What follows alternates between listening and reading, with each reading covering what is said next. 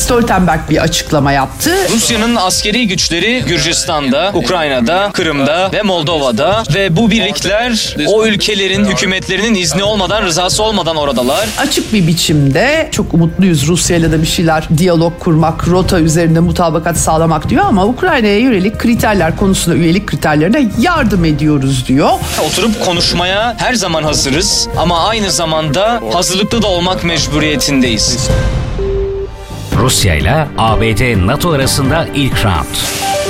ABD ile Rusya arasında Ukrayna merkezi olarak başlayan ve ikinci Soğuk Savaşı şekillendirmekte olan müzakere süreci 10 Ocak'tan itibaren yeni bir aşamaya girdi. Rusya'nın ikinci Biden-Putin görüşmesinden bir hafta sonra 14 Aralık'ta talep ettiği güvenlik garantileri iki ülkenin temsilcileri arasında Cenevre'de ele alındı. ABD Dışişleri Bakan Yardımcısı Wendy Sherman'la Rusya Dışişleri Bakan Yardımcısı Sergey Ryakov arasındaki görüşme 8 saat sürdü.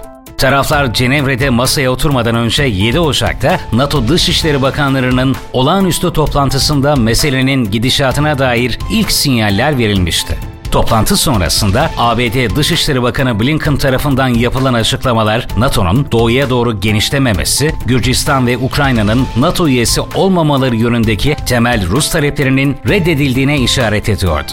Nitekim ABD ile Rusya arasında 10 Ocak'ta Cenevre'de yapılan toplantı, tarafların pozisyonları üzerindeki ısrarlarını birbirlerine kanıtlama çabasıyla geçen bir bilek güreşi oldu. Rusya tarafı müzakerelerin devam edip etmeyeceğine NATO-Rusya Konseyi toplantısıyla 13 Ocak'ta Avrupa Güvenlik ve İşbirliği Teşkilatı ile yapılacak görüşmelerin ardından karar verileceği duyuruldu. Rusya tarafı müzakerelerin devam edip etmeyeceğine NATO-Rusya Konseyi toplantısıyla 13 Ocak'ta Avrupa Güvenlik ve İşbirliği Teşkilatı ile yapılacak görüşmelerin ardından karar verileceğini duyurdu. NATO, iki yıllık kesintinin ardından Rusya ile masaya oturacağı gün İngiliz donanmasının yeni nesil ikinci uçak gemisi HMS Prince of Wales'ı göreve çıkardı.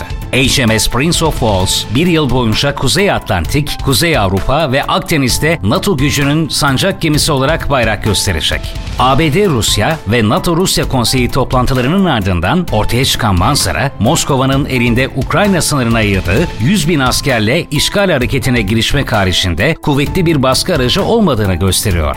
Bu baskı aracını bir yandan da elindeki doğal gaz ve Belarus üzerinden kitlesel göç silahlarıyla sınırlı bir şekilde destekledi ya da destekleyebiliyor. Rusya hibrit savaş metotlarıyla meseleyi askeri stratejik düzlemde çözmeye çaba harcarken ABD ve NATO 1999'dan bugüne kadar elde ettiği avantajlar sayesinde meseleye siyasi stratejik açıdan yaklaşıyor ve bunu sürdürmek istiyor. Berlin, Prag ve Varşova gibi Avrupa'nın tarihi başkentlerini kontrol etme fırsatı bulan ABD-NATO ikilisi, İkinci Dünya Savaşı sonunda Stalin'in eline geçen bu avantajı kaptırmamakta kararlı. Müzakereler askeri olduğu kadar ekonomik baskılarla da çevrelenmiş durumda. 1988-1990 sürecinde olduğu gibi ABD, Ukrayna'nın yeni bir saldırıya uğraması halinde Moskova'yı yıkıcı yaptırımlara maruz bırakmakla tehdit ederek Rusya'nın kırılgan ekonomisinin zaaflarını hatırlatıyor. Rusya'nın üzerindeki baskının Almanya ve İskandinav ülkeleri istikametinden artması da söz konusu. Almanya Dışişleri Bakanı Annalena Baerbock'ın Ocak ayının ilk haftasında Washington'a yaptığı ziyarette ABD ve Almanya'nın Ukrayna konusunda ortak bir cephe oluşturdukları mesajı verildi. Kuzey akım 2 hattından doğal gaz akışını bürokratik gerekçelerle oyalayan Berlin'deki yeni koalisyon hükümetinin en önemli sınavlarından biri de Rusya ile müzakerelerde sergileyeceği performans olacak. Bu performans Merkel döneminden farklı bir istikamete ilerleyebilir. Öte yandan NATO'nun partner ülkeleri Finlandiya ve İsveç, Rusya'nın Ukrayna üzerinde artan askeri baskısına yanıt olarak ittifaka tam üyelik mesajları vermeye başladılar. Bu iki İskandinav ülkesinin müzakerelerin başarısız olup Ukrayna'nın saldırıya uğraması ihtimalinin artması halinde NATO'ya tam üyelik kartını kullanması, Rusya'nın hem Kuzey Denizi hem de Baltık Denizi'ndeki hareket kabiliyetini daha da sınırlayacaktır.